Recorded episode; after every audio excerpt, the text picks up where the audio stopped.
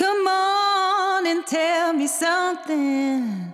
Just get it off your chest and let's groove. Let's groove. Let's move. Wouter de Vries is van het geboortejaar 1958 en groeide op in Amstelveen. Hij werd bij toeval dienstenmarketeer doordat hij op het goede moment tijdens het sollicitatiegesprek ja zei. Dit ja veranderde zijn leven. Hij is auteur van 25 studieboeken over dienstenmarketing, waaronder de millionseller De Blauwe Banaan. De Blauwe Banaan bracht hem veel, maar de roem zorgde ook voor een leven als in een achtbaan. Zijn favoriete vraag is: En hoeveel wil je volgend jaar groeien? Luister naar het verhaal van de man die voor mij de marketing spannend en leuk maakte, Wouter de Vries.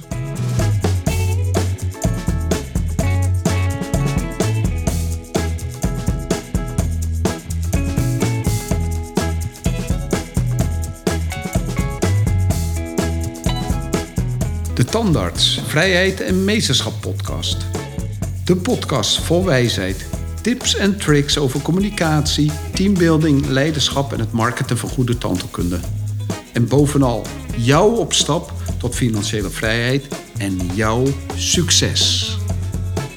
Welkom bij de Tandarts, Vrijheid en Meesterschap podcast.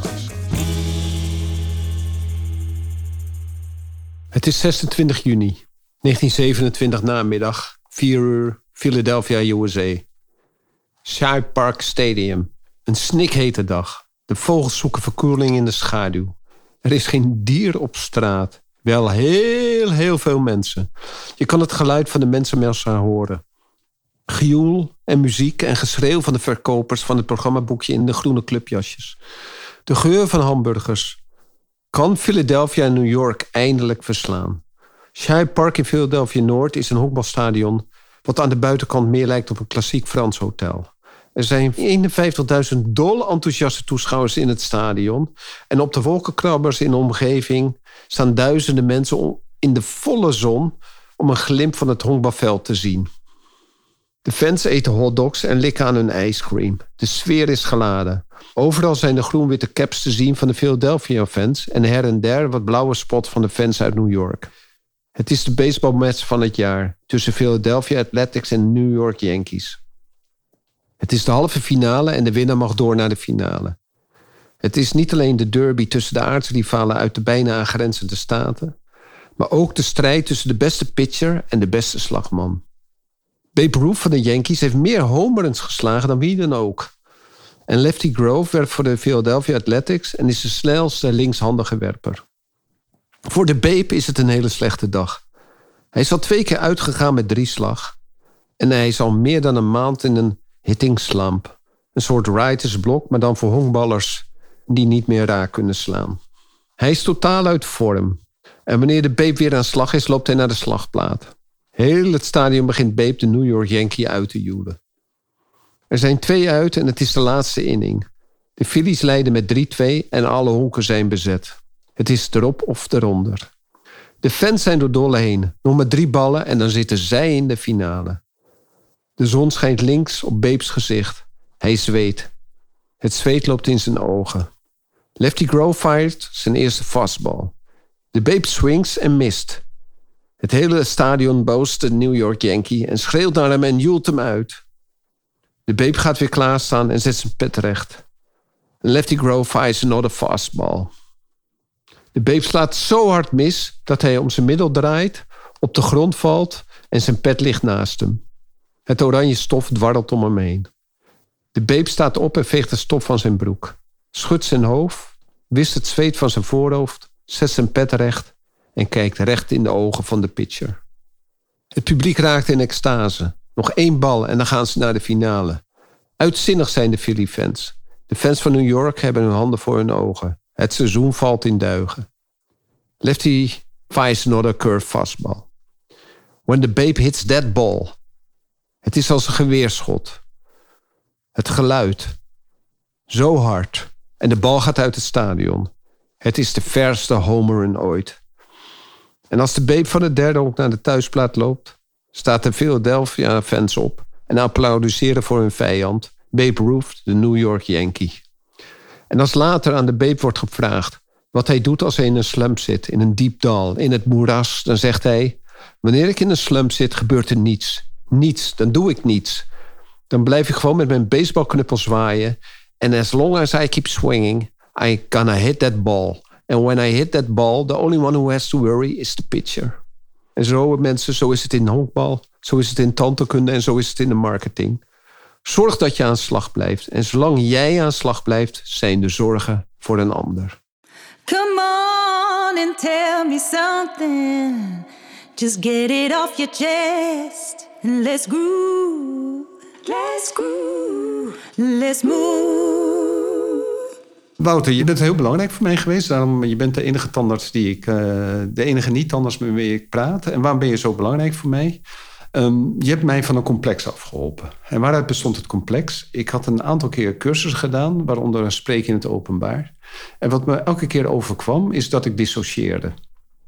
Maar ook van dingen, dat je, eh, dingen die niet goed gaan leren. En op een gegeven moment moest ik dus bij jou, ik deed commerciële economie bij jou. En ik moest voor jou eh, de lezing houden over BCL. Ja. En ik heb toen eh, die lezing gehouden. En eigenlijk ging die lezing wel goed. En mijn stoutste dromen kwamen uit. Eh, jij stond op en je zei tegen de rest van de, de, de zaal... jullie moeten ook gaan staan, want dit is een tien. Dit heb ik nog nooit meegemaakt. Nou, ik wist niet wat me overkwam. Maar het was zo'n fijn gevoel. En eh, sinds die tijd... eh, eh, heb ik, ben ik meer in het openbaar gaan eh, spreken Ja. op begrafenissen, op feestjes. Ja. Dus ik ben het niet meer uit de weg gegaan. En als er in het openbaar gesproken moet worden, dan eh, gaan de meeste mensen gaan het uit de weg. En ik moet vaak door mijn vrouw tegengehouden worden dat ik weer in het openbaar wil spreken. dus Ja. dus dat, is de, dat is de manier waardoor, ik, waardoor jij voor mij heel belangrijk bent. En je bent eh, marketeer, hè? Ja, klopt. En eh, je hebt een van de boekjes geschreven, De Blauwe Banaan. En De Blauwe Banaan is een van de boeken die eh, ongelooflijk lang in de management top 10 heeft gestaan. ja, klopt, ja. Toen jij kind was, had je gedacht dat je auteur zou worden en dat je zo'n succesvolle auteur zou worden? Nee, nooit. Sterker nog, ik heb dat ook altijd als onmogelijk gezien. Ik was slecht in Nederlands. Nederlands. Ik was een pure beta-jongen eigenlijk. Ik was sowieso een slechte leerling. Ik was speels. Ik werd er vaak uitgegooid. En eh, ja, ik wilde eigenlijk profvoetballer worden. En voor de, ja, ja, voor de rest wist ik het eigenlijk helemaal niet. Maar ik heb nooit gedacht dat ik ooit op de Vrije Universiteit eh, terecht zou komen. En dat ik boeken zou gaan schrijven en managementboeken. Dat, eh, dat is pas eigenlijk op mijn dertigste ontstaan. Oké. En je, je hebt VWO gedaan of HAVO? Eerst HAVO, daarna avond VWO Ja. op het Barlees in Amsterdam. Ja, Met het ra- racefietsje er naartoe. Ja. Ik had daarvoor had ik drie jaar de wereld rondgereisd. Omdat ik echt niet wist wat ik met mijn leven aan, aan moest. In een kibbutz gezeten in Israël in 78. Golda Ja. Meir Ja. was toen eh, premier in Israël. En eh, ja, het, het socialisme, het idealisme droop er toen vanaf. In was twee jaar na de oorlog toen, hè? Ja, ja, ja. Ja. ja. En ja, toen ben ik teruggekomen en toen wist ik het nog steeds niet. Maar toen ben ik avondateneum gaan doen. En ik was overdag vuilnisman in de gemeente Amstelveen. En eh, dat heb ik toen eh, twee jaar gedaan. Racefietsje naar het Barlees Atheneum gehaald. Op de VU gaan studeren. En eh, zo langzaam al, naar het auteurschap toegegroeid. Ja, want je, je, je hebt natuurlijk dan eh, heb je het afgemaakt. Maar hoe word je dan op een gegeven moment... Wat was je droom? Je was dus eigenlijk een beetje een vrije jongen. Ja, Je, je had het moeilijk op school. Wat Ja. vaak, hè? Mensen Ja. die vrijdenkers zijn... die hebben het vaak moeilijk op een middelbare school. Hè? Eh, middelbare school is eigenlijk niet voor jongens. nee. Hè? Die, die zijn pas veel later rijp. Hè? Die vervelen zich. Ja. Wat, wat is dan de stap geweest toen eh, na de middelbare school? Wat ben je toen gaan studeren? Ik ben toen economie op de VU zelfs gaan studeren. Omdat ik vakbondsleider wilde worden. Dat, eh, eh, mijn ideaal was gewoon ja, de kibbutz. Gelijkheid, geen bezit. John Lennon. eh, no possession en no rel- religion too. Dat was het zo'n ja, beetje wel. En eh, toen heb ik bedrijfseconomie gestudeerd. En ik was zoon. eh, eh, ik heet Wouter de Vries. Junior ben ik. Ja. En mijn vader was dus senior. En dat was een, eh, de CEO van de kruidfabriek, de dynamietfabriek in Muiden. Oké, ja. Dus, en ik heb altijd prima met hem op kunnen schieten, maar wel met de nodige vader, zoon en senior, junior strubbelingen. Dus, dus als ik het ook niet eens was met de, de oude, dan was ik het ook goed niet eens met hem. Dus daar, daar eh, komt denk ik mijn, mijn vakbondsdroom vandaan. Maar uiteindelijk, vreemd genoeg, ben ik zelf nooit één seconde lid geweest van een vakbond. Want ja, toen ik afgestudeerd was en op eigen benen kwam te staan, eh, ja, greep daar de vrijheid ook weer om zich heen. En ik dacht, nou, ik ga niet in het keurlijf van een vakbond lopen. Ik regel mijn zaakjes zelf wel. Dat, ja. dus dat terzijde. En je, en je vader was echt een, een, een, een, oude... Want wa- was hij directeur voor iemand anders... of was hij de eigenaar van die fabriek? Nee, hij was directeur van de KNSF, de Koninklijke Nederlandse Springstoffenfabrieken in Muiden. Dat, dat klinkt wel goed, hè? Ja, ja, ja. ja. Ja. Ja, want eh, die bestaat niet meer, toch? Nee, die is in 1990, 93 of zo gesloten. Ja. Dat, eh, ik ben er recentelijk nog geweest om te kijken. eh, want wij, eh, mijn broers en ik hebben daar heel veel gewerkt, vakantiewerk gedaan. En pa vond het ook gewoon nodig dat wij het, het leerden wat het was om arbeider te zijn. En eh, eh, ja, de, de paden daar hebben we aangelegd, betonstorten, et cetera, gebouwen geschilderd. Dus eh, ik ben er laatst nog geweest om te kijken wat er nog overeind stond van de oude fabriek. En toen heb ik mijn dochter van 17 nog een gebouw laten zien. Dat was de oude smederij. Ja. En daar werden nog eh, onderdelen van machines door vakmensen zelf gemaakt. Hè. Dat haal je nu bij de Gamma, bij wijze van spreken. Maar daar werd het echt gedraaid. Je had ook een draaier. Ja. nog. Nou, en dat gebouw dat is nu gerestaureerd. En daar zit een mooi restaurant De Lute in. Die ook, Dat is een heel mooi restaurant, Ja, ja. ja. Ja, die ook in de Oude Kerk zit. Dus, eh, dat, Oké.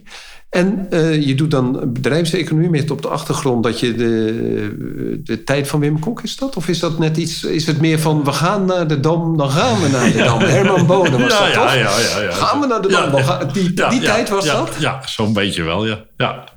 Je had de ontvoering van Heineken. En eh, die stond... Ik weet dat ik bedrijfseconomie studeerde... en dat meneer Heineken vrijkwam. Ja. En, eh, en eh, ja, de protesten, Joop den Uyl... en eh, de jaren, begin jaren tachtig. Ja. Ja, En, ehm, want toen werd er ook nog wel gestaakt in die ja, tijd. ja, ja, ja. Gestaakt, gedemonstreerd. Want tegenwoordig, ik zit nog steeds in het onderwijs. Tegenwoordig moet je de jeugd uitleggen wat demonstreren is. Hè? Dat je achter elkaar aanloopt en roept: Ik ben het niet eens. Oké, met een bord. Hè? ja, tegenwoordig krijg je ook de borden al. Hè? Als je, hoeft alleen, je hoeft het niet- zelf meer te verven. Ja, nee, nee, nee. nee, nee. En dan zit je daar op de VU en er zijn niet veel bedrijfseconomen die eh, vakbonds, Nee. vakbondsbonds willen worden, Nee, toch? nee, nee, nee, nee. Alhoewel het in die tijd was het nog wel zo dat bedrijfseconomie en studeren op de VU... dat was nog zo een, toch wel een links gebeuren, de, eh, of deels. De echte bedrijfseconomie van nu, de accountants... en dat je in je pak een stropdas naar een universiteit komt... dat was er toen nog niet echt. Dat, eh, het was meer Karl Marx die bij wijze van Waar? spreken... Ja, ja, ja, Het was meer politicologie. ja, ja, ook wel bedrijfseconomie, maar eh, de, de, de filosofische kant en het linkse denken zat nog wel in de studie, zelfs in de studie bedrijfseconomie. Ja. Oké, en hoe is het met die droom afgelopen om vakbonds te worden? Want je bent een altijd een andere richting opgegaan. Ja, ja ik ben eh, uiteindelijk in de academische wereld, in het onderwijs terechtgekomen. En eh, ik ben weer teruggevallen op de Vrije Universiteit, waar ik docent geworden ben, universitair docent. Daar ben ik boeken gaan schrijven. Ja. Eh, Je, hebt, je hebt ongelooflijk veel boeken geschreven. 25 boeken, ja. 25 Ja, boeken. Ja, ja. ja. ja het, het leuke is, jij begon eh, eh, dit interview met een verhaal... wat voor invloed een gebeurtenis van mij op jouw leven gehad. Eh, ik weet jouw presentatie ook nog altijd. Dat is best wel uitzonderlijk, want het is 30 jaar geleden. En ik heb vele honderden presentaties gezien. En ik weet ook nog dat je het over Babe Ruth had. Ja. En, eh, en, De American Yankee. Ja, ja, ja, Ja. En jij deed dat voor. En, eh, en ik weet nog dat je, eh, eh, dat je vertelde dat hij eh, eh, een wijdbal kreeg. En dat hij om zijn as draaide en viel met zijn witte pak Ja. op het rode krevel. Ja. Dat soort details weet ik. Nou, ik heb zelf ook iets soorts gelijk meegemaakt. Dat er één gebeurtenis je hele leven kan veranderen. En dat was toen ik in 1992 was, zat ik bij, ga- gaf ik les op de hogeschool waar jij studeerde. Toen heb ik gesolliciteerd bij de VU en daar zat een Amerikaanse hoogleraar, Gary Bamossi. En die vroeg aan mij, het gesprek ging in het Engels, en, eh, en die vroeg aan mij: Wouter, can you teach services marketing? Nou, ik zat in een sollicitatieprocedure. Ik denk dat de luisteraar weet hoe dat ongeveer, wat voor setting dat is. Dus eh, na snel denken dacht ik, volgens mij is yes hier het goede antwoord. En dat heb ik gegeven. En dat antwoord is, eh, eh, heeft mijn leven veranderd. Ja. Want ik moest toen het vak services marketing geven. Geen internet. Ik ben toen op mijn fietsje naar de universiteitsbibliotheek op de Prinsengracht in Amsterdam gereden. En daar vroeg ik aan de eh, een dame aan de balie: Heeft u een boek over services marketing? Toen vroeg zij: Is dat hetzelfde als dienstenmarketing? En toen heb ik geantwoord: Dat weet ik eigenlijk niet, maar het kan wel. Toen bleek er één boek te zijn van Jozef Tettero van de Ja. UvA. Ze gaf me dat mee. I have a dream.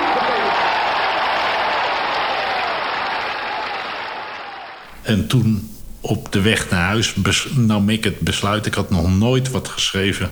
Nam ik het besluit. Ik ga een boek dienstenmarketing schrijven. En dat boek is de basis van mijn eh, hele leven geworden. Van mijn hele carrière. Eh, daar zijn inmiddels zeven drukken van verschenen. Het is al 25 jaar eh, bestaat dat. Ja. En het is het lesboek eigenlijk. Ik zie dat jij druk 1. Ja, dat is een... dat collectors is een, item. Een collectors item. Ja.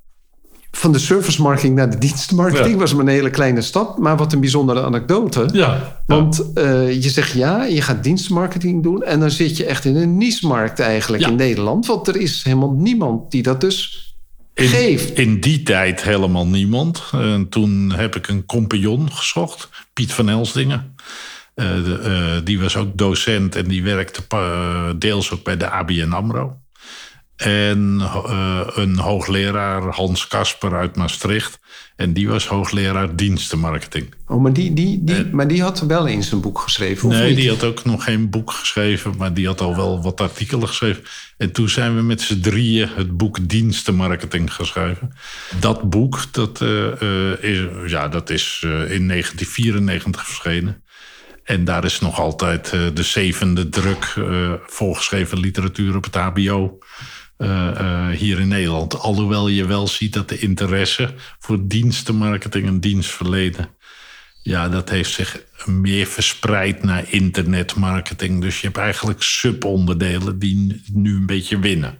Maar dienstenmarketing is zo belangrijk, want het gaat om personen. Ja. En internetmarketing, daar hoeven geen personen, daar heb je veel meer in de, in de hand. Het is natuurlijk zo met dienstenmarketing. ehm, dat kan door één persoon. Hè? Dat is een balans. Hè? Ja. Je hebt eh, goede dingen en slechte dingen. Maar je moet Ja. 50 goede dingen hebben. En één slecht ding kan alles verprutsen. Ja, En dat is wel een essentieel verschil met de normale marketing natuurlijk. ja.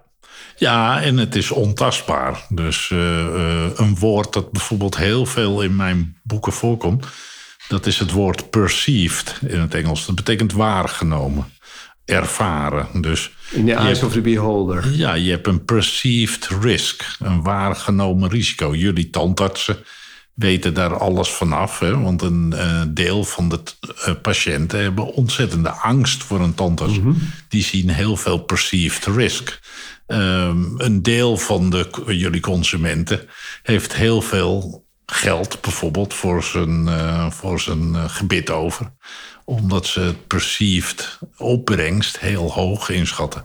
Nou, je perceived ook met wachttijden. Twee minuten wachten, is dat nou lang? Ja, bij het openbaar vervoer klagen we de hele boel bij elkaar. In een tandartskamer is het helemaal niet langs. En gelukkig leggen jullie ook altijd goede literatuur mijn auto en de tandarts op tafel. Dus, eh, Maximaal. en eh, een privé van eh, 19 maanden oud. Maar je bent ook vaak een beetje gespannen. Dus, en het grappige is dat je ook de waargenomen kwaliteit... dat is natuurlijk ook heel moeilijk voor een tandarts. Hè? Want we kunnen vreemd genoeg als, als klant bij jullie... niet in ons eigen gebit kijken. Dat gaat vrij moeilijk. Dat, dus controles en zo... Ja, daar, eh, daar eh, die barsten van de subjectiviteit uit elkaar. Ja, dat is natuurlijk zo. En het, maar het, eh, het kernproduct natuurlijk van de tandarts... een tandarts denkt vaak dat het kernproduct... Hè, zijn, f- zijn restauratie of zijn kroon...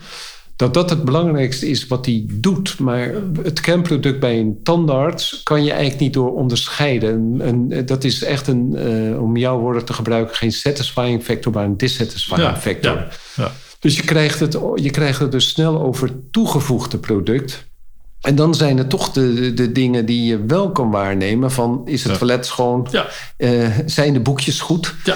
En eh, moet je niet te lang wachten? Eh, is de assistente aardig? En natuurlijk is het heel fijn als jij nog steeds denkt... dat de overige tandarts in de hele wereld slechte boekjes hebben. Want daardoor is het dus heel makkelijk om je te onderscheiden als tandarts. Toch? Ja. is, natuurlijk heerlijk. In het land de blinden is één nog koning. Ja. Dus je hoeft het helemaal niet zo extreem goed te doen als Ja. standaard... om je al te kunnen onderscheiden in de ogen Ja. van de klant of van de patiënt. Maar ik denk dat het inderdaad belangrijk is voor een, voor een tandarts en voor zijn team... dat ze... eh, die, de, de tandartsteam is vaak tevreden over dingen die een patiënt vanzelfsprekend ervaart. Ja, ja. Want omdat wij te veel aan het kernproduct denken... en een tandartsteam weet niet vaak het verschil tussen een dissatisfying factor en een satisfying factor. Ja. En dat vaak een satisfying factor van meneer De Vries... wilt u vandaag een, wilt u een kopje koffie? Zegt Ja. meneer De Vries, nou dat is te gek. Eh, dit heb ik nog nooit bij een tandartspraktijk Ja. meegemaakt. Een kopje koffie. Ja. En twee maanden later kom je en dan zeg je... geen koffie vandaag. en dan is dus een satisfying factor en een dissatisfying Ja, ja, ja. factor geworden. Ja. Ja. Dat, is, eh, dat vind ik dus echt het, eh, het, het fantastische van het dienstenmarketing. En dat, dat soort dingen heb jij Ja. bij mij, mij, Ja. mij bijgebracht. Ja. Ja, het, eh, het grappige is zelfs wat jij nu vertelt, is eh, eh, satisfying, dissatisfying.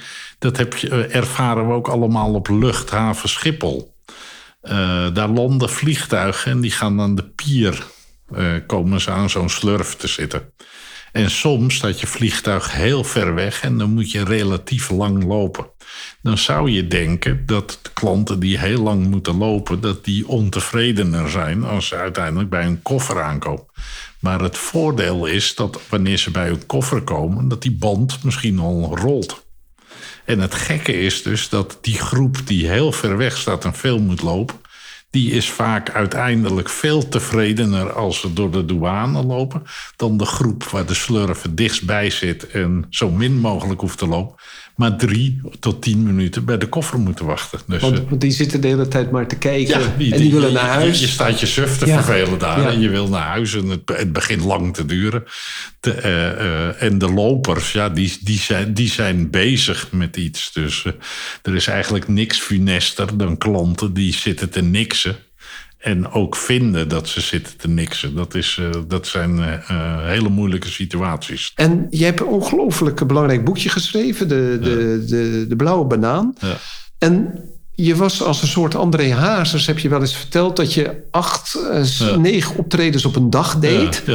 Voor een goed gage. En op een gegeven moment loop je dan vast. Hè? Ja, je, ja. Je, weet niet meer van voor of van achter dat je leeft. Hoe heb je dat toen opgelost? Everybody get down! It's about to get real in here! Daar hielp een burn-out bij. Echt waar? Een Ja? burn-out en een scheiding. En eh, ja, eh, de trein ontspoorde eh, letterlijk. En eh, ja, toen moest ik even wat pauze, rust nemen. En ik werd toen opa, onder andere. En eh, ja, toen heb ik de schaakstukken weer eens van mijn leven wat nieuw opgesteld. En eh, toen ben ik ook andere dingen gaan doen. Het boek Blauwe Bananen is er nog steeds. Maar ik hou geen lezingen meer daarover. Dat, eh, heb ik gewoon afscheid van genomen. En, eh, Het is wel een heel mooi boek, hè? want voor de luisteraar een, een, een blauwe banaan, hè? dat is in feite een metafoor voor onderscheidend vermogen. Iedere dienstverlener moet zich eigenlijk eens de vraag stellen van waar ben ik nou eigenlijk goed in? En uh, het mooie van een banaan is, is dat die uh, in feite heel veel kan. Want de banaan uh, is qua huisstijl, de kleur bananengeel, is de meest voorkomend herkende kleur ter wereld. Dat, ze schatten dat 7 miljard mensen de, banaan, de kleur bananengeel herkennen. Oké. Hij is ook steengoed verpakt, want hij, hoewel die krom is, kun je hem zo laten vallen. En die schil beschermt hem en buigt ook nog mee. En uh, die banaan, uh, ja, als je het schilletje weggooit en je eet hem op, is die ook nog uh, redelijk groen. Ja. dus een banaan kan eigenlijk heel veel, maar hij heeft maar één probleem: dat bij alles wat hij kan, hij wordt geboren in een tros, dat kan zijn buurman ook in de tros. Nou, vervang het woord banaan is door jezelf en vervang het woord tros is door markt. En dan moet je je de vraag stellen is er nou iets wat ik kan, wat in de markt een beetje uniek is? En als je daar antwoord op weet te geven, dan ben je conform de voorkant van het boekje. Dat was een tros bananen, waarin één blauwe banaan uh, zat. En die valt natuurlijk op, die is onderscheidend. Ja. Nou, dat is het verhaal achter de blauwe banaan. Ik heb duizenden dienstverleners heb ik uh, uh, de vraag gesteld van... Uh, ja, waar ben je nou eigenlijk goed in? En waar train je op? Hè? Want iets verzinnen om goed te zijn in iets, dat is één. Maar uiteindelijk moet je het ook nog beter doen of beter worden erin. Dat, ik vind dat veel dienstverleners blijven hangen op het niveau... wat ze op een gegeven moment bereiken. Inclusief tandartsen. Ik vind, dat, ja. ik vind dat veel tandartsen gewoon tien jaar lang uh, uh, uh, hetzelfde werk doen. Ik heb Ja. letterlijk ooit een tandarts gehad. Die stopte er op zijn 55ste mee. En die zei, ik zeg, waarom, waarom stop je ermee? Zegt hij, nou, denk jij dat het leuk is om de hele dag in de mond van een ander te kijken? Maar de man had ook niks geïnnoveerd. En uh, in al die tijd dat ik bij hem zat, zag, ging alles hetzelfde. Dat, uh, Maar wat een, uh, wat een vervelende tunnel dan, hè? ja, ja, maar ik denk dat daar me- meer mensen wel eens in zitten dan dat we denken. Dat, uh, En zou je daar een remedie voor hebben? nou, uh, uh, A, denk ik dat studeren. B, denk ik, is bij andere partijen gaan kijken. dat, ik ben als tandarts zou ik nu, dus als tip, ik ben als patiënt uh, op een, uh, bij een praktijk op het Stadionplein geweest. jij weet de naam. Laststandaard. Ja, ja, ja. Nou, daar, daar, ben ik als patiënt geweest en ik heb mijn ogen uitgekeken. Ik zou, als ik als een tandarts was, ik zou elke tandarts die nu luistert, zou ik adviseren van ga eens een dagje naar Amsterdam, bezoek deze praktijk en geef je ogen de kost. En ik denk dat je dan altijd geïnspireerd weer naar huis terug gaat. Ze hebben een aantal hele mooie uh, zaken. Um, het fantastische is ook dat ze. Ik vind dat een van de mooie branding dingen die je kan doen als standaardspraktijk is dat je. Uh, de one-stop shopping. Hè? Je kan ja. alle specialisten in ja. huis halen, dus dat mensen niet naar buiten horen, maar je kan ook one-day shopping. En zij hebben, een, net zoals an, ook wel andere tandartsen, een CEREC-apparaat. En een CEREC-apparaat is dat je de kroon scant en dan meteen maakt. En wat het briljante van de lasses vind ik. En andere praktijken hebben dat ook, maar die hebben de, uh, het slijpapparaat hebben ze in de wachtkamer staan. Dus je ziet dat. Op een gegeven moment komt de technicus, die doet er een blokje in... en dan wordt op dat moment wordt, het, uh, wordt dat ding meteen geslepen. Ja. Maar de andere mensen in de wachtkamer... die zijn natuurlijk heel benieuwd wat die herrie is... en ja. wat er gebeurt. Dus die lopen er naartoe en er, staat, er is een mooie gloed die uit het apparaat ja. komt... En dan loop je naartoe en op dat moment creëer je natuurlijk je eigen markt. Ja. En wat is natuurlijk niks fijners dan als je een kroon krijgt... dat die anderhalf uur later gewoon klaar is. Ja. Dat je ja. gewoon lekker nog een kopje koffie kan drinken... En, uh, of even naar, uh, naar het stadion loopt. Dus dat, dat, hebben ze, dat hebben ze heel mooi gedaan. Die branding uh, van... Van dat punt is, is heel mooi. Maar het grappige is dat jij nu inhoudelijk op het product ingaat, op het wat van een tandarts. Wat ik zo fascinerend vond, was veel meer het hoe. Ja. Eh, de dienstverlening, eh, de zorg, eh, het respect. Wat die praktijk richting een klant uitstraalt. ja, het, het, het zag er prachtig uit. En vanaf de eerste seconde voel je je daar ja, letterlijk klant, een Ja. gewenste klant. Een gewenste klant. ja, ik ja. vond het echt super. Oh, goed om te horen. Want het is altijd fijn als mensen positief over ons beroep praten. Ja. En, ik, eh, ik vind het een mooie praktijk. Ook in de, de praktijk op de Herengracht is ook een prachtige praktijk. Ja. Als je nou, eh, daar hebben we het misschien ook nog eh, net al een beetje over gehad. De, eh, je grootste struggle in de, in, je, in de praktijk en in je, in je carrière. Je bent vakbondsbonds geweest, willen worden. Nooit geweest. Nooit geweest. Ja, ja. Wat heb je geleerd de hard way? Bureaucratie. Dat is, eh, ja, ik heb deels 25 jaar rondgelopen op een, eh, in een universiteit. En daar heb ik eh, eh, leren leven met een bureaucratie. Dat heb ik eh, eh, qua karakter heb ik dat altijd het moeilijkst gevonden. Ik heb er ook altijd naast mijn werk op de universiteit een BV naast gehad. Eh, anders had ik niet eh, eh, het kunnen overleven. Eh, de uit academische vrijheid eh, is altijd fenomenaal geweest. Dat heb ik altijd geweldig gevonden. Dat, eh, eh, ook het denken van collega's, schitterend. Dat, en het niveau van collega's. En ook op een universiteit dat mensen kritisch tegen je zijn om je beter te maken. Dat heb ik ook altijd een geschenk gevonden. Dat, eh, daar zijn sommige mensen gaan er heel krampachtig mee, mee om. Eh, ik heb kritiek altijd eh, ja, als een, als een zegen gevonden. Ja. Dat, ik, lu- ik luisterde, een van mijn vaardigheden is denk ik ook dat ik heel goed met feedback om kan gaan en het mijn eigen kan maken. Ja. Dus je ziet het echt als een... eh, Stimulans. Een stimulans. Ja. Constant and never-ending improvement. Ja. Ja. Ja. De zeven zwoele vragen. Wat is jouw favoriete levensquote? Nou, eh, vroeger eh, had ik een steenbokboekje.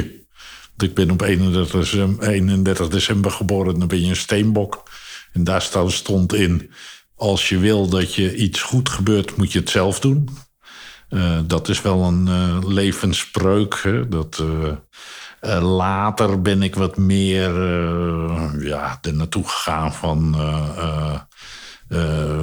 ja, succes heeft eh, één reden, falen vaak vele. Eh, en ik vind dat heel veel mensen soms ook legio-redenen hebben waarom het niet gelukt is. Terwijl eh, ja, ik dan wel eens zeg van eh, ja, zoek nou eens de reden op dat iets wel lukt. Dat, Ja. eh, dus dat is eh, eh, die twee, denk ik. Ja, dat is een mooie. Ja. Eh, welk boek ligt er op dit moment op je nachtkastje? Ja, dat is een fantastisch boek. Dat is net uit. Dat ruikt nog. Dat zijn eh, eh, alle concerten van Bruce Springsteen van de waar? Bos. En ik ben een grote Bruce Springsteen-fan.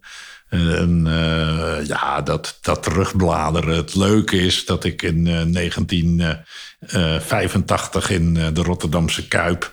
eh, ja, het geweldige concert eh, Born in the USA eh, meegemaakt.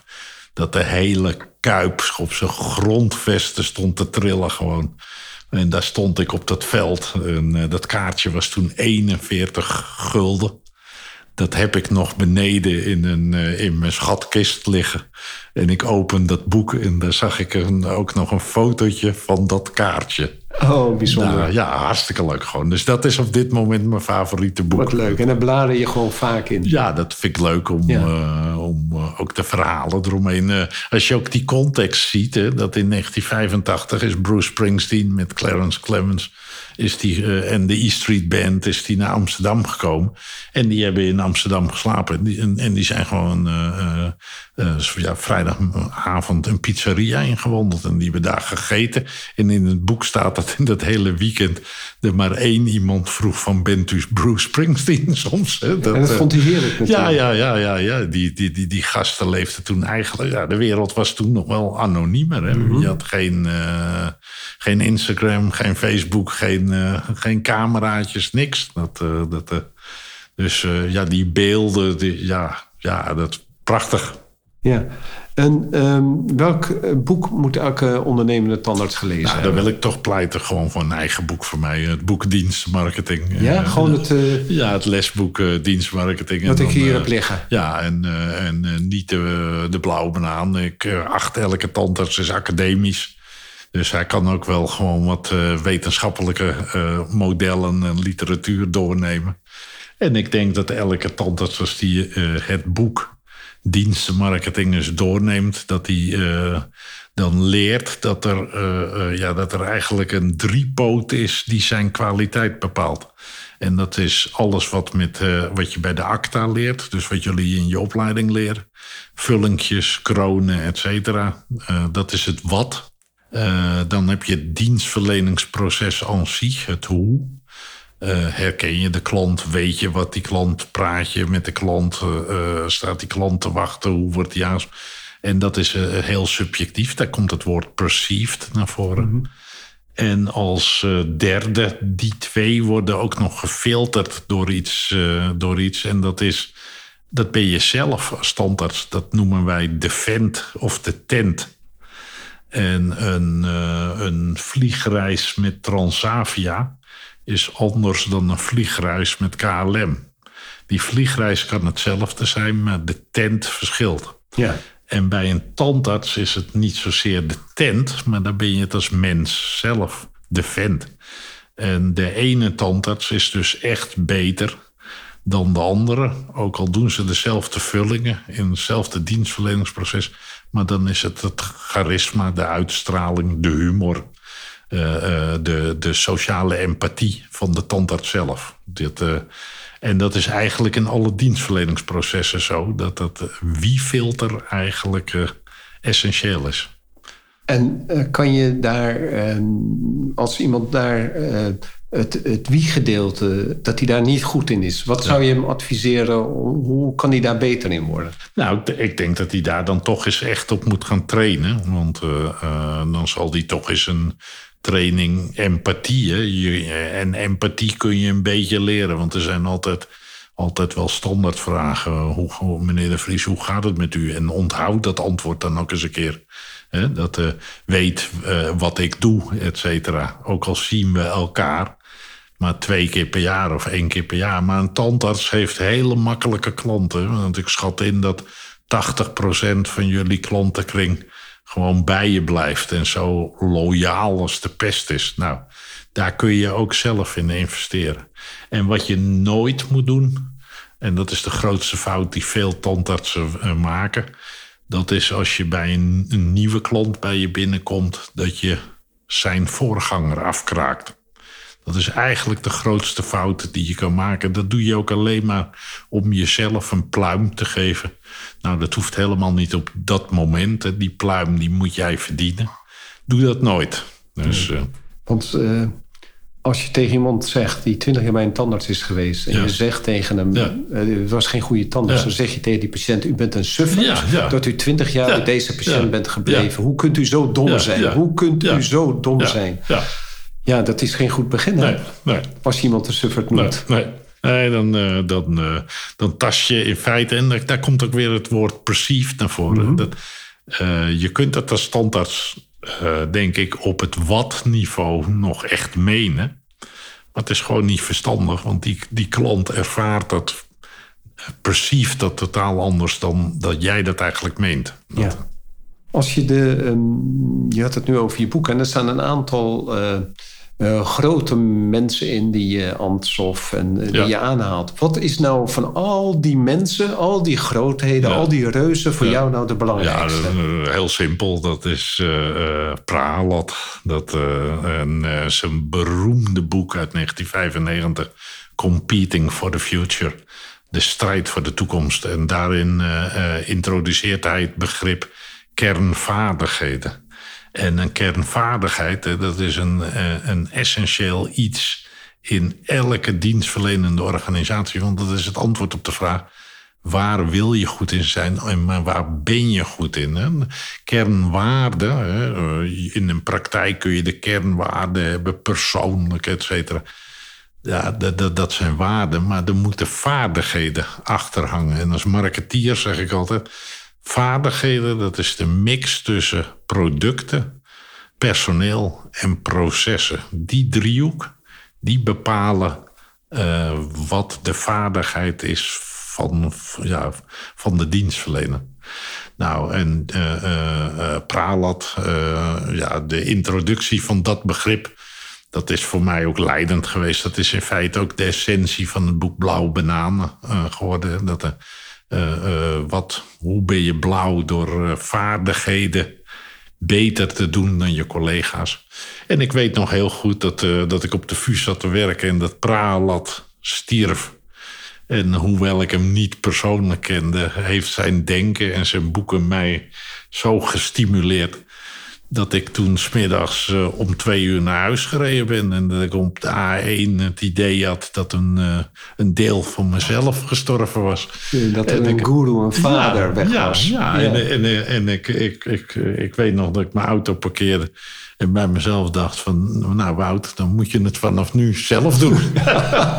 dat, uh, ja, dat, wat, wat, een bijzonder ja. verhaal. Ja, ja dus daar hoef ik geen seconde over na te denken. Wie mij het meest ge geïnspireerd. Trouwens, een Ansoff met zijn groei moet je plannen. Ja, dat heb ik ook al wel 4000 keer gedoseerd. En dat vind ik ook wel toverwoorden. ik, ik vraag veel aan dienstverleners van... ja, hoeveel wil je nou groeien komend jaar? En uh, wat ga je dan doen?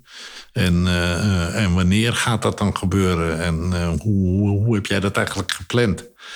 Nou, en dan zie ik toch ook al wel veel dat veel dienstverleners al struikelen over de eerste vraag: van ja, hoe, hoeveel, hoeveel wilt u groeien? Dan zie ik wangen een beetje bol worden. Van, en, dan denk ik, ja, dat is toch geen tovervraag. Hè? En die Ansoff had er wel heel mooi gewoon de spreuk groei moet je plannen. En st studenten die bij mij afgestudeerd zijn, die weten ook altijd wel deze uitspraak. Als ik ze ja. tien jaar later te, tegenkom, dan zeggen ze nog wel eens groei moet je plannen. Het is, het is, zelfs zo sterk dat er een, uh, een klein filmpje van mij van drie minuten over Ansoff en Pralat op YouTube ja. te vinden is. Uh, en die Ansoff is verreweg het meest bekeken. Die is al 60.000 keer bekeken. Okay. En ik stond laatst een keer, in, of twee jaar geleden, in een sportschool. Stond ik op een loopband. En daar zat iemand me aan te kijken en nog eens een keer aan te kijken. Ik zeg, uh, is er iets? Toen zegt hij, bent u meneer Ansoff? ik donderde bijna van mijn loopband af. Maar het was een groot compliment. Heb ik op, zo opgevat. Dat, uh, ja. ja. ja. Is er ook een bepaalde cursus qua dienstverlening of dienstenmarketing die jij aanbeveelt aan tandarts? Uh, nee. Dat uh, klinkt uh, bot, maar dat weet ik niet. Dat, ik zit niet in, in dat onderwijscircuit van tandartsen met nascholing en zo. Dat zijn vaak wel aparte circuitjes.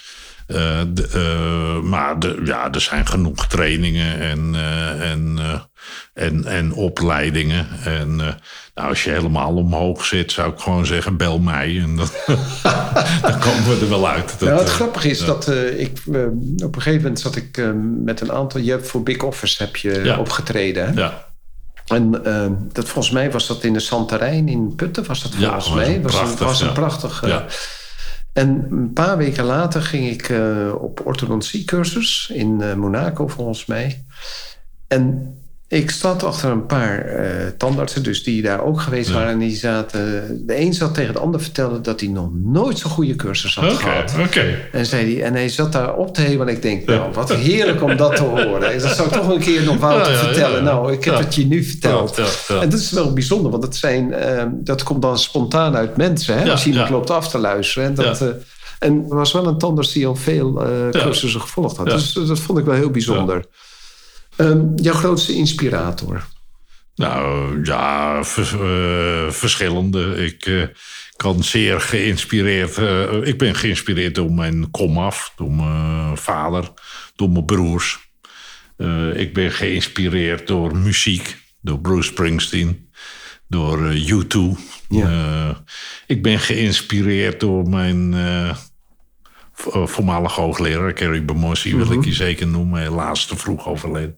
Ik ben zeer geïnspireerd geweest in het leven door mijn kibbutz-volunteer uh, David uit kibbutz Jal. En waardoor was je geïnspireerd? Hij was gewoon een idealistische man. Hij was, ik was 18, 19, hij was 31, speelde gitaar. Uh, uh, was Israëli, kwam uit Londen. Ja, gewoon een, een, een prachtig voorbeeld. Het leuke is dat ik een jaar geleden ben ik teruggegaan naar mijn kibbutz. En dan was ik 41 jaar niet geweest. En toen ben ik dat terrein opgelopen. Uh, een kibbutz vlakbij Netanya in Israël. Mhm. En uh, daar heb ik uh, David dus weer ontmoet. Echt waar? Ja. Wat leuk. Maar ook nog zes andere mannen uit die tijd. En dat waren in, toen ik daar weggegaan ben. Ik ben daar weggegaan in 1980. Ja, waren dat jonge gezonde ja. mannen. En het waren nu oude mannen. Ik, Ja. ik was de jongste, ik ben 62. En eh, eh, we hebben daar een geweldige middag gehad. En, Ja? en we zijn met z'n allen... Op een gegeven moment zei één iemand ook... het lijkt wel alsof ik weer in 1980 zit. Want het gek is, we hadden elkaar nooit meer gezien. Maar we, eh, door de verhalen hebben we het over... Tapestry van Carole King gehad. Want die LP stond ja. altijd op. Hè? De- Nou, die, die, die hebben we allemaal 30 jaar niet meer gehoord. Maar we gingen eigenlijk terug, met een helikopter terug in de tijd. De, ja. Geweldig.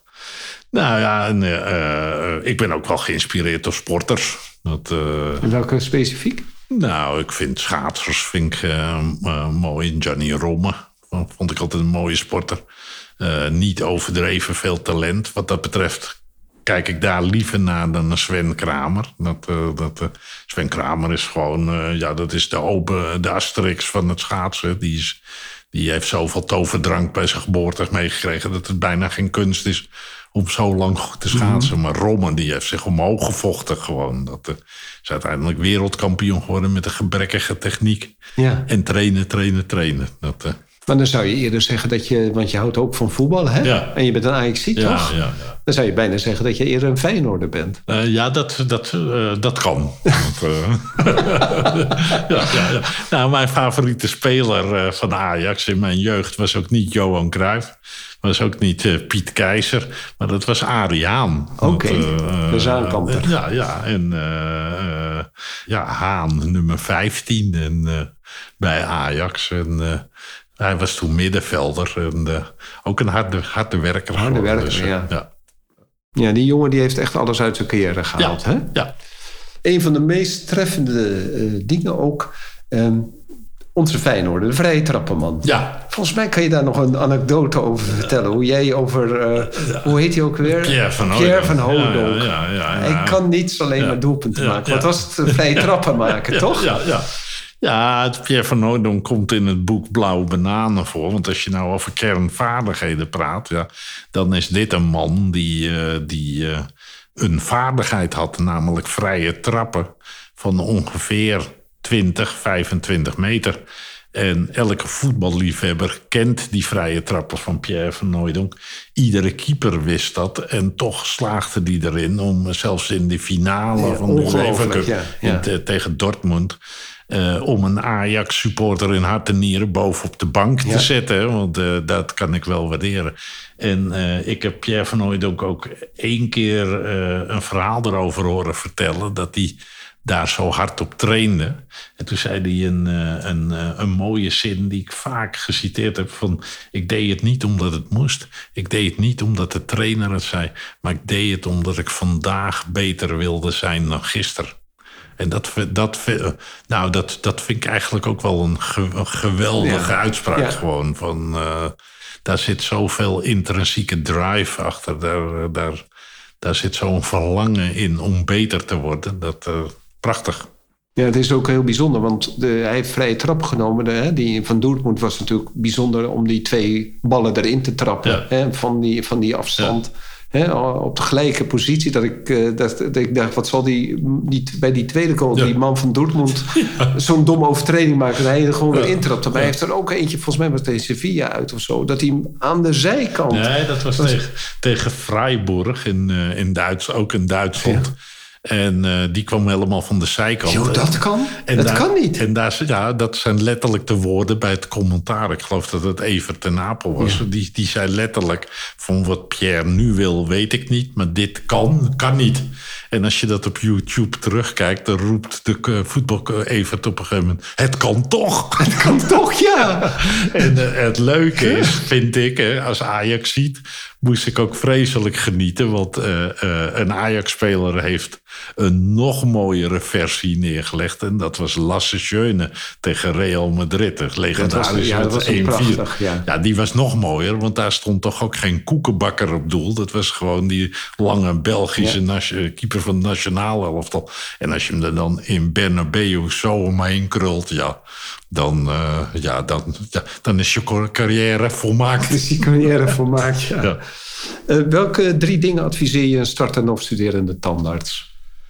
Eh, nou, ik, ik zou A, liefde voor het vak mee willen geven. Dat, en dan gewoon het vak, zowel gebidtechnisch als patiënttechnisch. Ik, ik denk als je, en dat geldt eigenlijk voor elke dienstverlener. Ik denk als je van je klanten houdt en je klanten gewoon eh, eh, leuke mensen vindt. eh, ja, dat je gewoon een, een goed dienstverlener wordt. En het gaat niet om de vullingen. Het gaat eigenlijk om het feit dat je je klant het vertrouwen geeft om te lachen, bij wijze van spreken. Als je dat in, zijn gebit meegeeft, dan, dan, dan doe je het goed. Ik zou hem ook mee willen geven dat, die, ja, dat je veel aan nascholing doet. Hè? Dat je veel eh, jezelf continu probeert te verbeteren. Nou, en ik ben ook nog wel commercieel genoeg dat ik denk van verdien ook goed. Maar dat is bij tandartsen niet altijd het probleem. Dat, dat, dat, dat is geloof ik wel goed geregeld. Ja. Dat, eh, Wat, wat, wat, eh, daar heb je wel, wel gelijk in. Wat, wat we op dit moment heel opvallend is, is eh, dat 80% vrouw is hè, die afstudeert. Ja. En een ander punt is, is dat eigenlijk geen van de afstuderenden eigenlijk een vrije beroepen wil zijn. Hè? Ze Ja. willen allemaal in loondienst. En eh, eh, herken jij dat als dienstenmarketeer, dat dit gebeurt? Nou, eh, eh, dat verschilt per sector. Eh, ik zie het ook in de tandartsenwereld. Ik zie het bij mijn tandarts ook. Dat er nu heel veel loondiensters werken. Parttime dan ook vaak. Dat zie je in, in ja, de, de vrouwen. die doen het vaak zo. Je ziet in andere sectoren juist wel dat er een ontzettende hang is om dingen zelfstandig te doen. Hè? De hele eh, internetadvieswereld, eh, ja, die hangt aan elkaar van kleine bureautjes.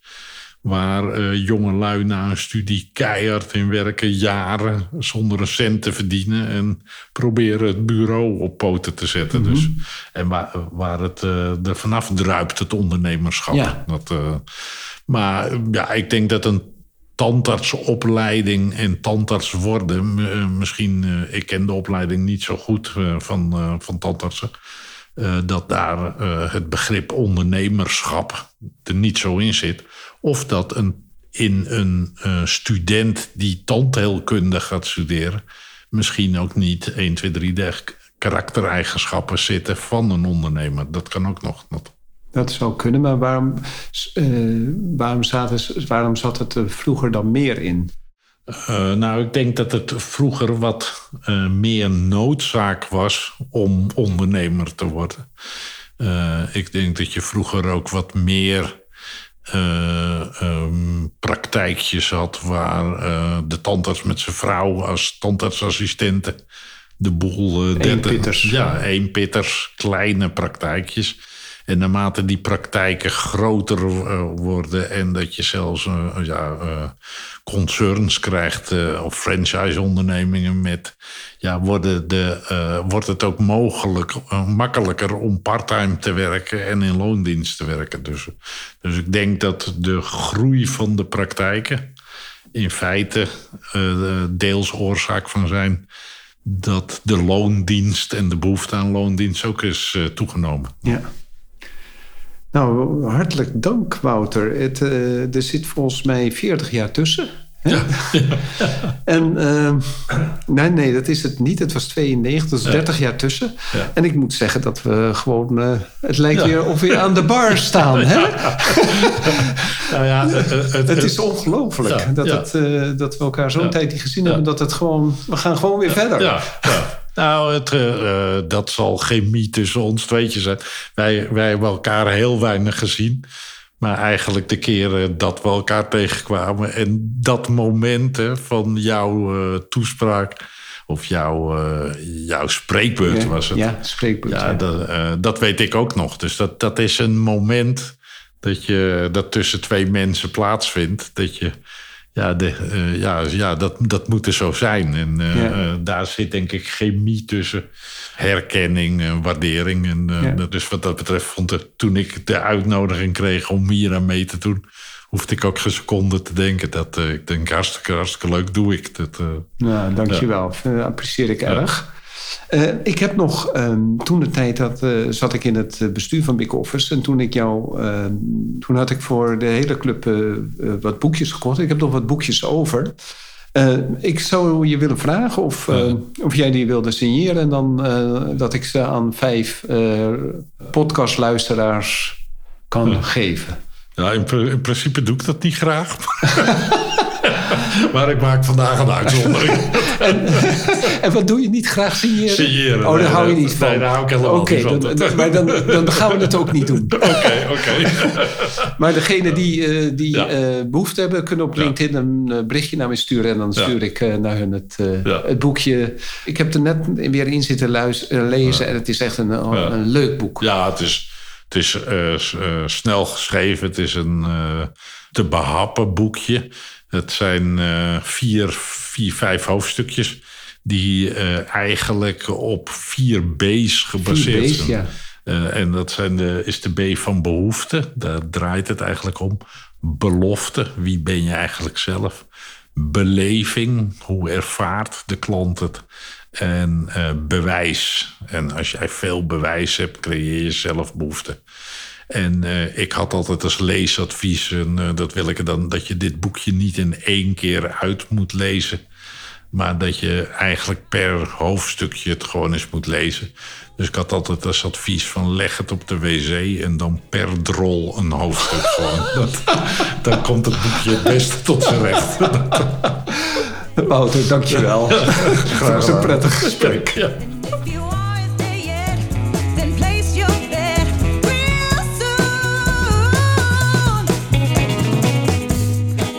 Super dat je weer luistert naar een aflevering van de Tandartsvrijheid en Meesterschap podcast. Ik zou het zeer op prijs stellen als je een review achter zou laten. Je kunt je ook abonneren op deze podcast. Klik dan in de podcast-app op de button subscribe en je ontvangt automatisch een berichtje bij een nieuwe aflevering. Ken je iemand die deze podcast ook leuk zou vinden? Deel deze dan. Via Spotify kan je dat heel simpel door op de drie puntjes te klikken en te delen. Je kan mij ook bereiken via mijn LinkedIn-account. Ik ben te vinden onder mijn naam Ron Steenkis. Nogmaals, dankjewel en tot de volgende keer.